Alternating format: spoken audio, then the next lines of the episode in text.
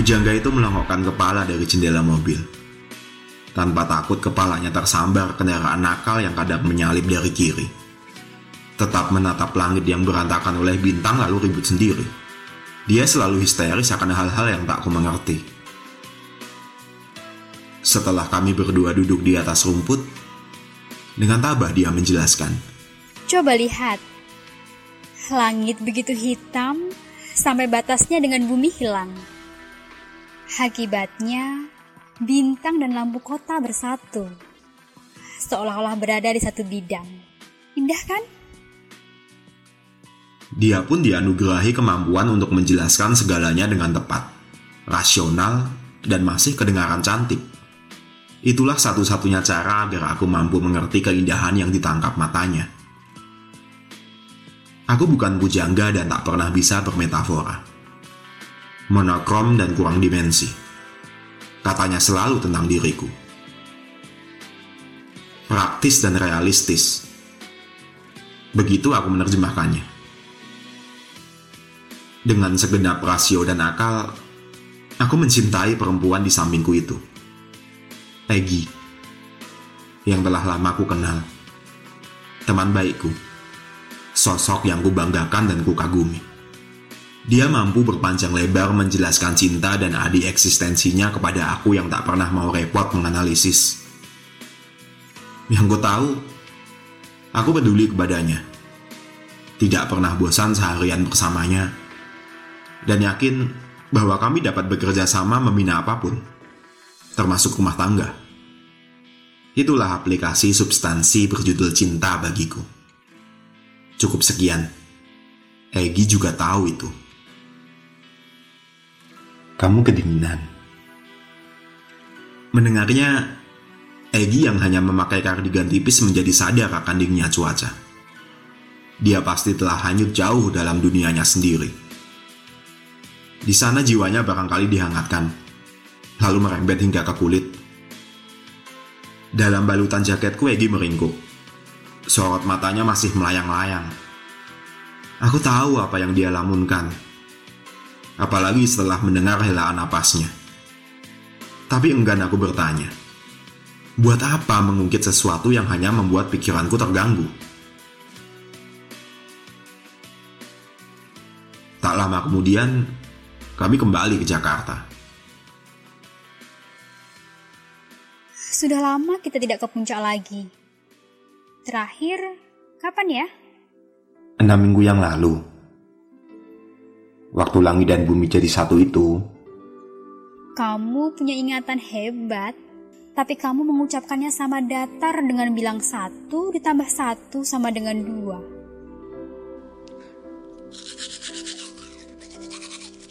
Suara sikap beradu dengan gigi menggema dari kamar mandi. Aku pun kembali membaca dengan kaki berselonjor di sofa panjang. Egi selalu lama bila menyikat gigi. Tiba-tiba, suara gosokan itu berhenti. Malam yang hening membuatku menjadi awas akan perubahan yang terjadi.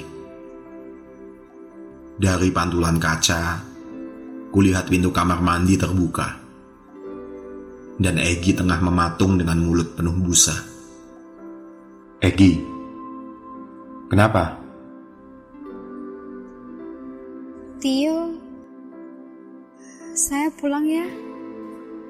Oh, kamu di sini saja. Besok pagi saya antar pulang. Saya malas keluar lagi. Tak perlu berbahasa basi dengan Egi. Kami sudah cukup dewasa dan cukup dekat untuk tidak lagi canggung. Kalau Egi terpaksa menginap di tempat tidurku. Bangun pagi dan sarapan bersama. Lantas aku mengantar dia pulang atau ke tempat kerjanya. Egi bahkan menginventaris sebuah sikat gigi di sini. Saya merasa tidak keruan. Rasa bersalah menggigitku. Sikap terlampau kritis kepada Egi dan air matanya sering kali mendorongku untuk menginjeksikan logika yang kupikir perlu. Yang malah membuatnya tambah sedih dan menganggap aku tak bisa atau tak suka menolongnya. Pantas jika dia memilih pulang daripada meledakkan tangisnya di depanku. Silakan kamu menangis selama mungkin. Saya janji akan diam. Tio, saya suka sekali menyikat gigi. Mau tahu kenapa? Ingin kulontarkan jawaban spontan. Seperti supaya gigi tidak bolong atau afeksi berlebihan pada rasa odol. Tapi kuputuskan untuk diam. Waktu saya menyikat gigi, saya tidak mendengar apa-apa selain bunyi sikat. Dunia saya mendadak sempit cuma gigi, busa, dan sikat. Tidak ada ruang untuk yang lain. Hitungan menit, Tio, tapi berarti banyak. Aku tahu apa yang kau maksud. Wahai Egi, pujanggaku sayang.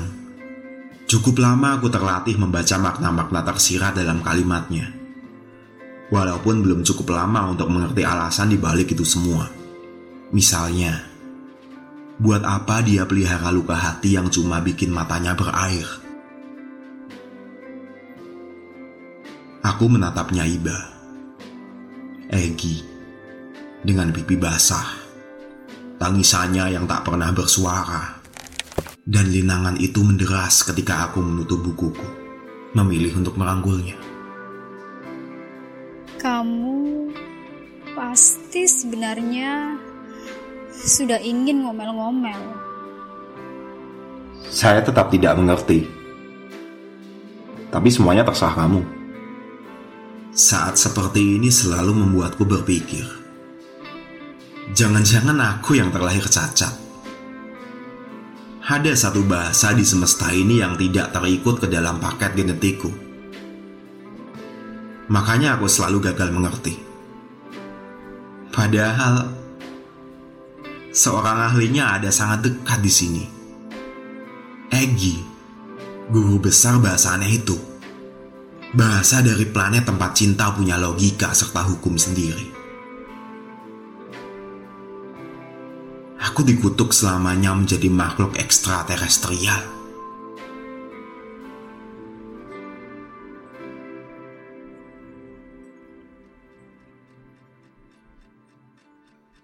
Ulang tahunnya yang ke-27.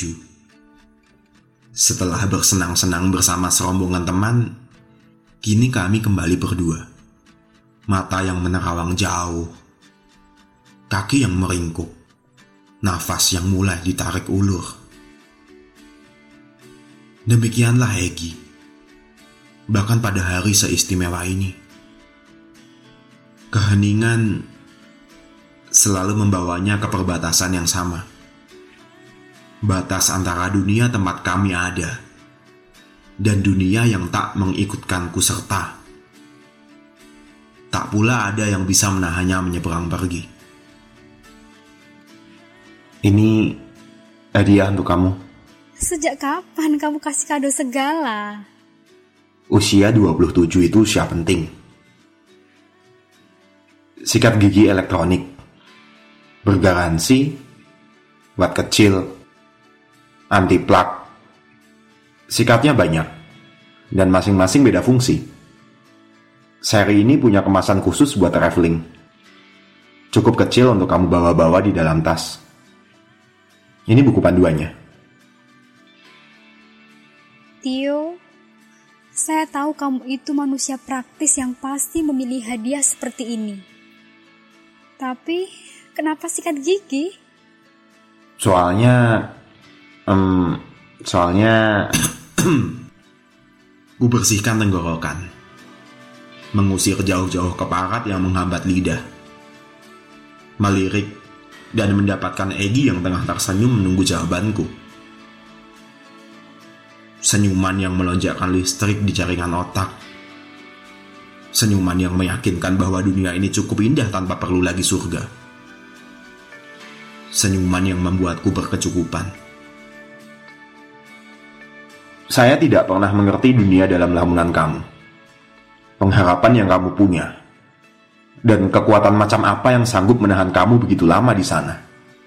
Tapi, kalau memang sikat gigi itu tiket yang bisa membawa kamu pulang. Saya ingin kamu semakin lama menyikat gigi. Semakin asik. Sampai moga-moga lupa berhenti. Karena berarti kamu lebih lama lagi di sini. Di dunia yang saya mengerti. Satu-satunya tempat saya eksis buat kamu. Egi, jangan. Kamu tahu perasaan saya, dan saya tidak pernah mau membahas soal ini lagi. Tapi beginilah kenyataannya. Saya tidak pernah berubah dari bertahun-tahun yang lalu. Kamu tahu itu. Kamu sahabat saya, sahabat terbaik. Sampai kapan kamu terus mengharapkan dia? Orang yang tidak pernah ada saat kamu paling membutuhkan dukungan. Orang yang mungkin memikirkan kamu hanya seperseribu dari seluruh waktu yang kamu habiskan buat melamunkan dia. Orang yang tidak tahu kalau kamu bahkan harus mengikat gigi demi melepaskan dia barang tiga menit dari pikiran kamu. Dia ingin datang, biar itu cuma dalam hati. Dan dia akan menjemput saya pada kesempatan pertama yang dia punya. Saya bisa merasakan kalau dia selalu memikirkan saya Kapan kamu akan bangun? Ini namanya cinta sejati. Satu hal yang tidak pernah kamu tahu. Itu kebutaan sejati. Kamu memilih untuk menjadi tunanetra. Padahal mata kamu sehat. Kamu tutup mata kamu sendiri. Dan kesedihan kamu pelihara seperti orang mengobati luka dengan cuka. Bukan obat merah. Semoga satu saat kamu mengerti. Habis sudah persediaan kata-kata. Keyakinannya berada di luar akalku. Aku ini iti. Jadi mana mungkin aku bisa ngerti. Aku mencintai Egi. Egi mencintai pria lain yang menahun sudah membiarkannya terkatung-katung. Demikianlah fakta sederhana yang kami ketahui bersama. Kemalangan itu diperparah lagi karena keinginanku yang logis untuk memilikinya bukanlah cinta bagi Egi. Sementara cintanya Egi yang masokis juga alien bagiku. Jembatan komunikasi kami runtuh. Dua manusia yang telah bersahabat bertahun-tahun lamanya berubah asing dalam semalam. Mungkin sudah saatnya.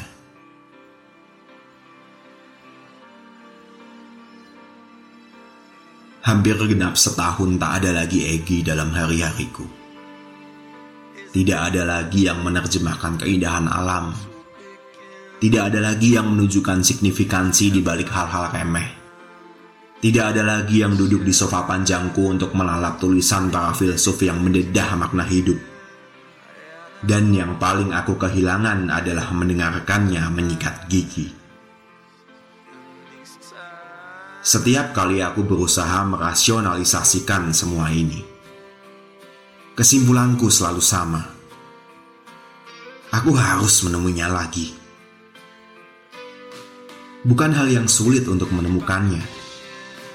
Dia masih Egi yang dulu, yang dapat kutemui sore-sore sedang membaca buku di bangku taman yang berbukit-bukit di kompleks rumahnya. Yang sulit justru mengungkapkan apa yang tak pernah kusadari. Dan lebih sulit lagi untuk tidak punya harapan apa-apa sesudahnya. Egi, punggung itu berbalik. Matanya terbeliak tak percaya mendapatkanku muncul kembali dalam hidupnya begitu saja. Lebih kaget lagi saat aku berlutut dan meraih jemarinya dengan tanganku yang dingin. Sebentar saja. Saya tidak akan lama. Saya tidak akan pernah jadi pujangga. Dan tetap ngantuk kalau baca buku filsafat. Saya tetap Tio. Si monokrom. Whatever.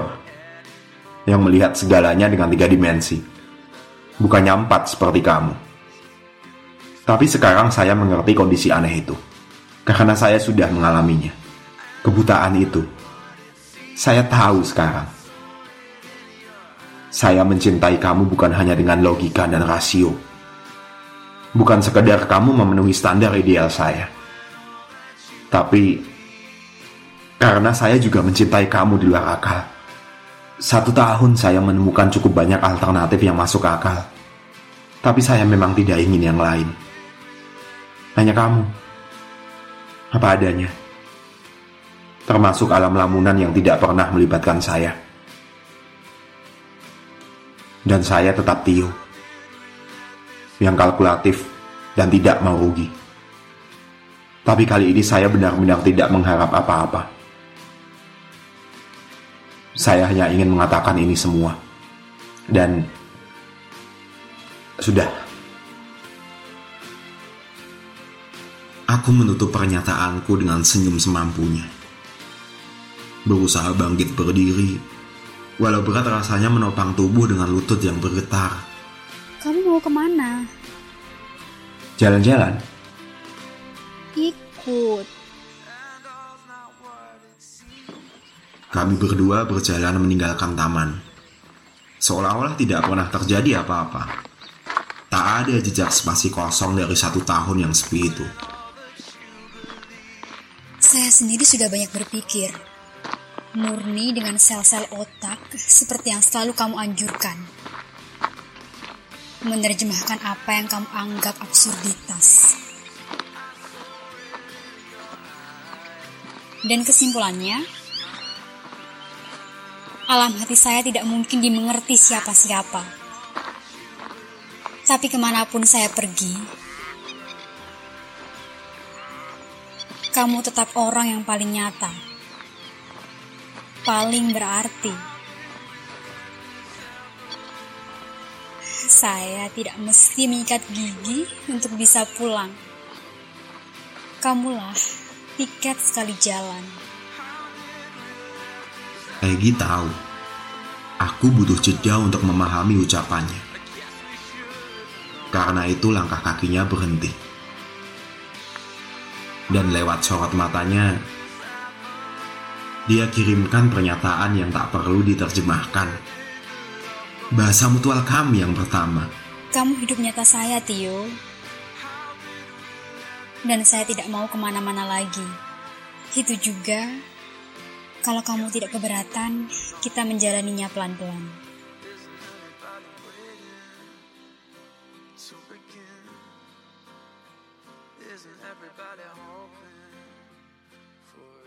Perjalanan singkat menuju mobilku sore itu menjadi gerbang sebuah perjalanan baru yang panjang.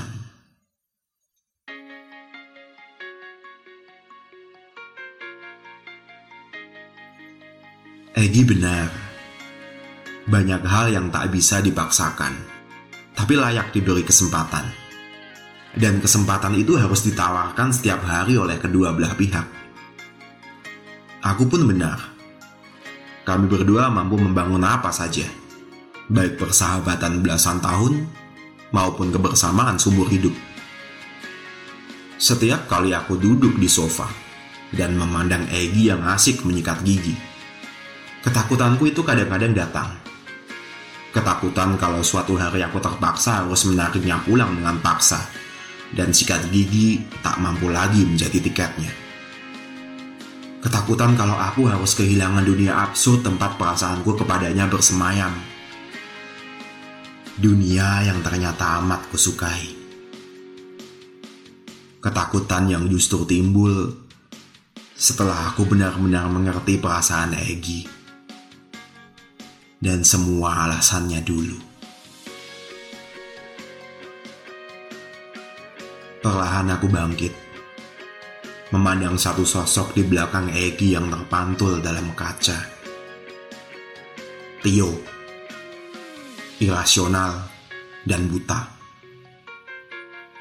Aku tidak mau kehilangan dia.